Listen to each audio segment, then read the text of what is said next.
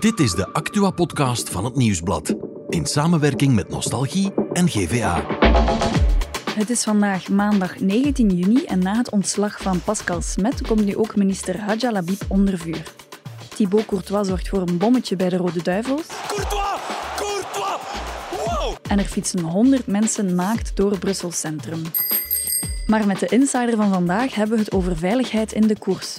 Kon het ongeval met Chino Meder vermeden worden? Mijn naam is Eline van de Gehuchte en dit is De Insider.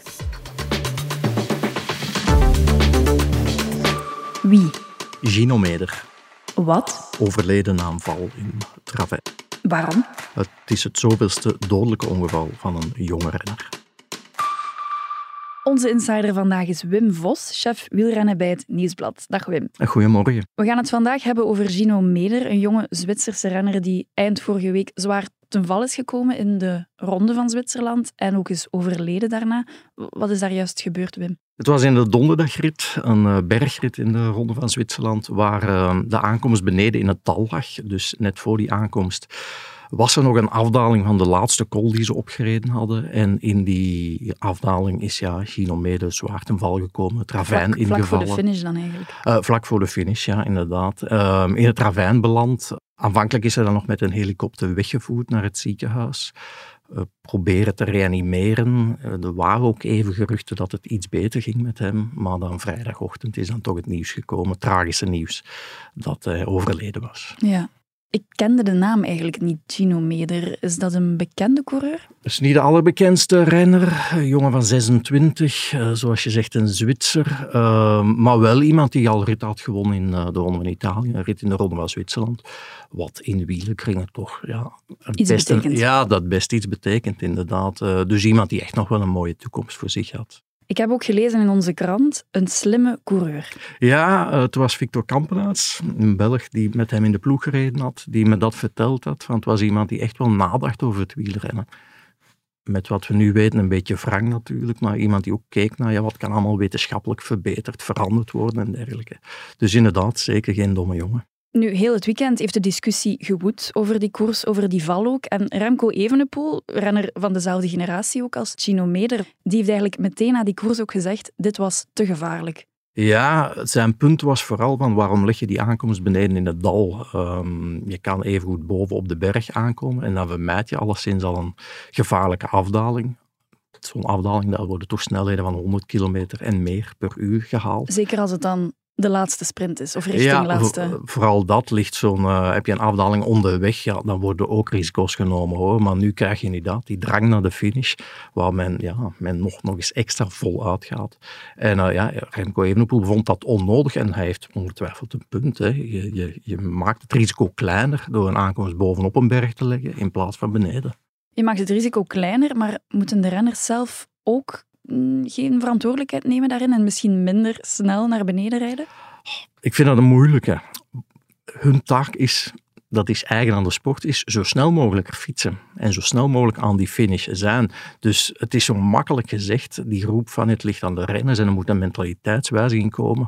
Maar ja, dat is wat zij doen, zo snel mogelijk rijden. Dus ik vind het veel meer een verantwoordelijkheid van de buitenwereld, de UCI, de Wielerbond of, of de organisatoren, om ervoor te zorgen dat renners zo weinig mogelijk risico's kunnen nemen. En ehm, in die zin vind ik die opmerking van Evenepoel terecht. Van, ja, leg die afdaling dan niet. Dan kunnen wij geen risico nemen. Een ander voorbeeld, ik was gisteren in de Ronde van België. Dat was een massasprint. Uiteindelijk heeft ook een renner daar nadien zijn beklag over gedaan. Over in die laatste kilometer, op 250 meter van de steep, legt men dan nog een bocht in, ehm, in die aankomststrook. Die renner zegt ook van, ja, wat krijg je? Je krijgt eerst een sprint na die bocht, waar renners die het meeste risico durven nemen, die het meest durven, die hun ellebogen het meest durven zetten, die halen daar Ja, dat is iets voordelen dat we ook wel vaak zien. Hè? Die laatste honderden meters, kleine gaatjes en toch renners die dan durven, maar dan ook wel extra risico nemen of creëren. Maar dat vind ik dan weer, dat hoort bij de sport. Alleen ja, leg die bocht daar niet. En dan heb je dat risico al niet. Wringen gaan ze toch. Dat is eigen aan de sport. Maar dan heb je dat risico toch al niet van die bocht. Ik kan een ander voorbeeld geven. Ook in massasprinten. Tegenwoordig kiezen renners allemaal voor heel kleine stuurtjes. Mhm. Waarom? Net om beter te- door die kleinste gaatjes te kunnen kiezen. Maar ik hoor dan vanzelf van renners zeggen van ja, dat zorgt toch voor minder stabiliteit op de fiets, dus meer risico. Ja, renners gaan zelf, zolang ze mogelijkheden zien om sneller te kunnen fietsen, gaan zelf niet zeggen van geef mij toch maar een brede stuur. Ja, Maar daarvoor heb je andere- Ja. Daar heb je andere instanties voor nodig die ervoor moeten zorgen dat renners die risico's niet kunnen nemen. Wim, ik herinner mij ook bepaalde momenten waarbij mensen samen naar de koers kijken, waar ik ook bij was, dat wanneer er nog geen valpartij was gebeurd, dat het eigenlijk echt wachten was daarop. Mensen waren bijna aan het wachten op het moment dat er iets spectaculair gebeurde dat ook een beetje gevaarlijk was. Eh, Is dat zo dat dat erbij moet horen, die valpartijen? Eh, Ja, het gaat zelfs een beetje verder. Als wij elk jaar in de herfst ongeveer wordt een nieuwe Tour de France voor de zone daarop voorgesteld. Ja. In een grote Palais de Congrès ergens in Parijs. Dan krijg je een promofilmpje, dat duurt 10 minuten. Ik kan u zeggen dat vier minuten van die 10 minuten, waar je een promofilmpje krijgt van de Tour de France van het jaar voordien, voor alle duidelijkheid. Vier minuten van die 10 minuten, ja, dat zijn valpartijen. Men Ja. pakt daarmee uit, men Dus vindt dat spectaculair. Ja, dat is, Ja. dat is onbegrijpelijk. En, en je ziet dat nu ook in een nieuwe Netflix-serie over de Tour de France. Ja, die valpartijen, liefst nog van binnenuit in het peloton gefilmd. Men vindt dat allemaal spectaculair. Men vindt, zoals je zegt, dat dat erbij hoort. Dat dat zelfs bijdraagt, denk ik, aan de attractiviteit van het wielrennen. Dat is zelfs een beetje pervers als je het zo bekijkt. Want al die valpartijen, met alle respect, gelukkig loopt het meestal goed af. Meestal. Maar dat zijn allemaal potentiële gynomedes dat daar liggen. Ja. En Men, men, men, men vindt dat erbij horen. Ik vind dat onwezenlijk. Ja, ik vermoed dat veel, of, of alle nabestaanden daar ook anders over denken natuurlijk. Ik, ik moet ook denken aan, aan ehm, twaalf jaar geleden. Wouter Weiland is toen overleden in de Giro. Dat was op zich niet zo'n gevaarlijke situatie of niet zo'n gevaarlijke afdaling. Loopt het gevaar dan niet ja, op elk stukje weg van de koers? Of is het niet Maar zo? Kijk, ik ben ook niet naïef. Het, het zal inderdaad, je kan niet elk risico uitsluiten. Zeker niet in een sport waar je orgaan op twee wielen van, nou, wat, wat is het, een centimeter dik, ehm, honderden kilometers uit. Je kan niet elk risico uitsluiten, maar die, die fataliteit waar men zich bij neer heeft gelegd van ja, kijk, er wordt gevallen, er wordt zwaar gevallen en kennelijk af en toe ook een dode, dat hoort erbij. Ja, dat vind ik dus niet kunnen. En daar moet echt wel over nagedacht worden van hoe kunnen wij dat voor zorgen dat dat niet meer gebeurt. Dat moet het uitgangspunt zijn, dat dat niet meer gebeurt. In ik maak graag de vergelijk met de Formule 1, waar men in de jaren 80, 70 tot een eindjaar in de jaren 90, ja, men had om de twee, drie jaar een dode in de Formule 1. Men vond dat normaal, tot Ayrton Senna, de bekendste Braziliaanse Formule 1-rijder, ook dodelijk uh, verongelukte. En dat heeft echt voor een cultuuromslag gezorgd in de Formule 1. Men is daar toen geweldig gaan nadenken over wat kunnen wij allemaal doen om dit voortaan te vermijden. En dat is gelukt. Sinds 2000 zijn er nog, tragisch genoeg, nog, nog twee Formule 1-rijders. één op training, één in een wedstrijd omgekomen. Twee is twee te veel, uiteraard. Maar als je dat vergelijkt met de ik kan het getal niet, niet noemen, denk ik, maar je kan makkelijk aan 10, 15 renners die in die periode met, in ongevallen in wedstrijd zijn omgekomen. Ja. Ik wil maar hebben, die mentaliteit van een Formule 1, die moeten wij ook in het wielrennen krijgen. Dat moet echt, en dan moet ook taboes sneuvelen.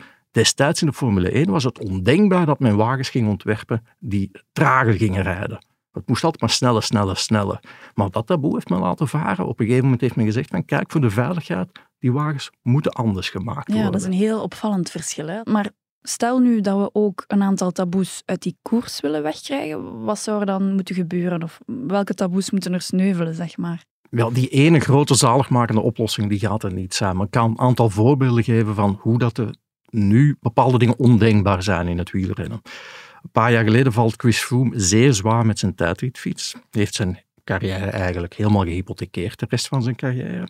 In de nasleep daarvan merkt Chris Froome op van, is het nu nodig dat wij allemaal die speciale tijdritfietsen hebben? Tijdritfietsen, één, je zit, de handen liggen daar in de beugel, dus je zit heel ver van je remmen met je handen. Op zich al gevaarlijke.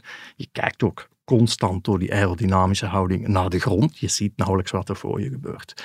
Dus Froome antwoordt op, moeten we niet gewoon tijdritten met gewone fietsen beginnen rijden? Ja, dat wordt dan gewoon weggelachen in het wielrennen. En hoeveel jaar is dat geleden? Um, ik denk dat zijn voorstel amper ruim een jaar geleden is okay. dat hij dat geopend heeft. Op dat moment was uh, Egan Bernal, een goede Colombiaanse wielrenner, op training ook nog eens zeer zwaar ten val gekomen met zijn tijdritfiets. Uh, maar dat wordt gewoon weggelachen als Chris. Zelfs als iemand als Chris Froome dat zegt. Waar ik ook aan moet denken, volgwagens lijkt mij soms ook levensgevaarlijk, maar dat is heel normaal dat die auto's tussen die renners rijden.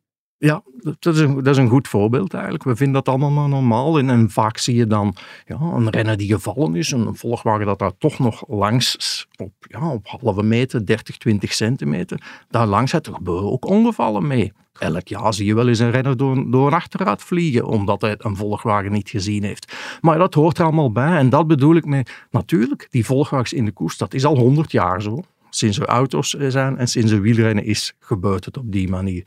Maar misschien moeten we het allemaal eens in vraag durven stellen, gewoon om het veiliger te maken.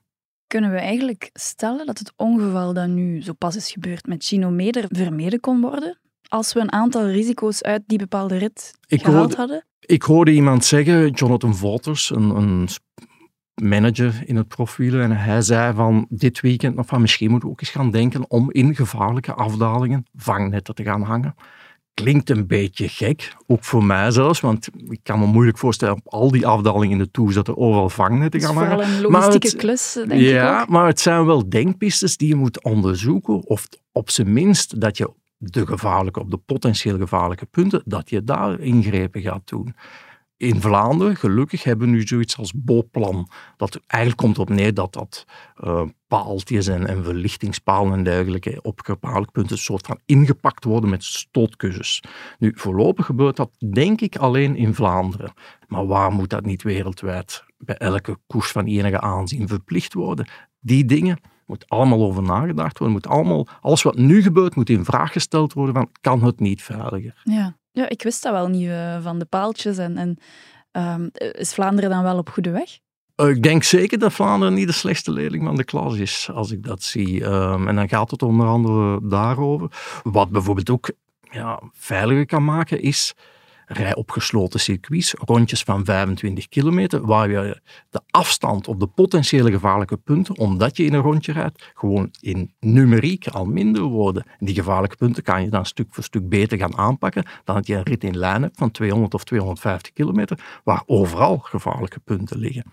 Het zijn allemaal dingen die je, ja, waarover nagedacht moeten worden. En ik denk dat we alle uitgangspunten van hoe het wielrennen nu al 100 of 120 jaar bestaat, dat allemaal eens in vraag gaan stellen, dat het echt wel veiliger moet. Het is gewoon passé eigenlijk, kunnen we zeggen. Sommige dingen zijn echt wel passé, denk ik. Ja, Wim, als ik dat allemaal hoor, ik vraag mij oprecht af, is het nog een goed idee om je kind naar een wielrennerclub te sturen? Is dat wel veilig genoeg? Wel, wat ik wel kan zeggen, is dat uitgerekend bij de jeugd zie ik wel veel initiatieven om het zo veilig mogelijk te houden. Daar heb je wel heel veel van die wedstrijden op gesloten circuits. Ook goed begeleid en dergelijke. Snelheden liggen daar ook gelukkig wat lager. Um, dus er worden echt wel inspanningen gedaan. En nu laat ik een beetje mijn buikgevoel spreken. Ik hoor ook zelden van bijzonder zware ongevallen in het jeugdwielrennen. Dus laat dat allemaal positief zijn. Maar dat het een gevaarlijke sport is. En als je je zoon of dochter er naartoe stuurt, ja, het is geen. Het is een van de gevaarlijkste sporten ter wereld. Zeker als je op termijn een prof mee wordt. Dat is een feit. Oké, dan maar hopen dat die mentaliteitswijziging er effectief komt en al die taboes doorbroken worden. Ja, en dat het niet alleen over mentaliteitswijziging bij de renners gaat, maar misschien wel bij ons allemaal. Dat we eindelijk ook eens stoppen met de valpartijen zo spectaculair en attractief te vinden. Oké, dankjewel Wim. Bedankt voor jouw expertise vandaag. Graag gedaan. Je gezin is net als een wielerploeg. We moedigen elkaar aan. En we weten dat we met de tips van onze ploegleider alle kansen hebben om echte kampioenen te worden. Skoda, supporter van de grootste fietsfamilie. Nog over naar het andere nieuws van vandaag. Daarvoor gaan we naar onze producer Bert. Dag Eline. Ik ga het gewoon zeggen. Uw stem klinkt een beetje anders vandaag. Het was een zwaar weekend. Laten we het daarop houden. Oké, we gaan het daarop houden. Wat moeten we weten over vandaag? Wel, uh, staatssecretaris Pascal Smet die, uh, heeft ontslag genomen dit weekend, uh, naar aanleiding van die affaire rond de Iraanse burgemeester. Burgemeester van Teheran was hier uitgenodigd, stond mee op een foto en dat zorgde natuurlijk voor controverse na de ja, zaak Olivier was van een Kastelen. ongepast moment. Ja. Nu, het is nog niet helemaal gedaan, want nu Pascal Smet uit Picture is, komt Hadja Labib onder vuur. Dat is de minister van Buitenlandse Zaken. Waarom? Omdat zij eigenlijk ook van de zaak wist. Zij heeft wel gezegd tegen Pascal Smet, pas op, nodig die man niet zomaar uit, geef die niet zomaar een visum. Maar wat, uiteindelijk is het wel gebeurd. Ze heeft uh, niet zoveel gedaan om hem echt tegen te werken. Nee ze, nee, ze heeft het niet tegengehouden. En daarom zeggen NVA en Vlaams Belang nu van ja, je hebt dat niet tegengehouden, je hebt je job niet gedaan, neem ook ontslag. Ja, het is natuurlijk iets voor de oppositie om daar dan op in te gaan. Gaat het ook effectief een gevolg hebben voor haar? Well, er is vrevel binnen uh, de meerderheid, maar de kans dat ze effectief zal ontslagen worden um, is nog niet zo groot, denk ik. Oké, okay. ook een beetje vrevel bij de Rode Duivels, want daar heeft Thibaut Courtois iets niet gedaan. Ja, die is niet komen trainen. Zondag. Het zit zo. Het is een verhaal van eer, Elin. Um, dus normaal is Kevin de Bruyne aanvoerder van de Rode Duivels, krijgt hij de kapiteinsband. Kevin is er niet. Zaterdag was hij er niet tegen Oostenrijk, dinsdag is hij er niet tegen Estland. Want dus Kevin... is geblesseerd. Voilà. Ja. Dus had de coach gezegd, zaterdag is Lukaku aanvoerder en dinsdag is Thibaut Courtois aanvoerder. Eerlijk verdeeld.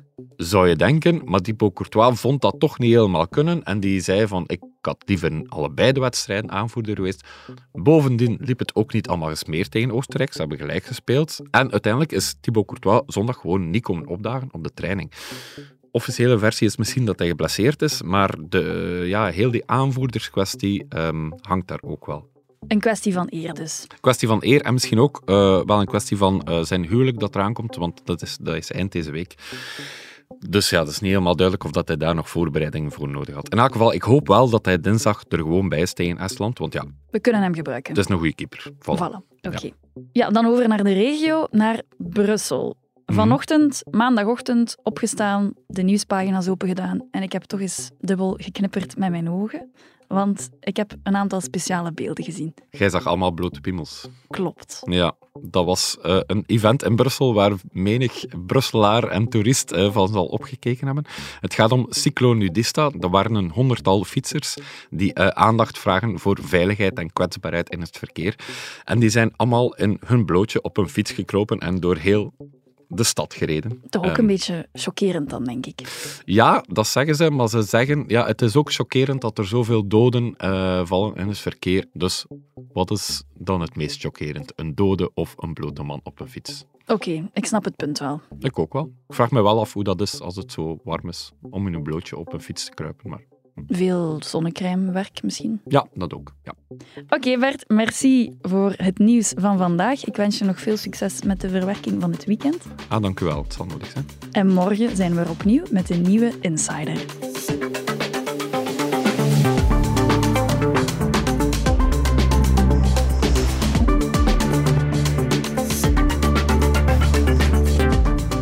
Dit was The Insider, een podcast van het Nieuwsblad in samenwerking met Nostalgie en GVA. De muziek is van Pieter Santens. De montage gebeurde door House of Media. Wil je reageren? Mail naar podcast.nieuwsblad.be.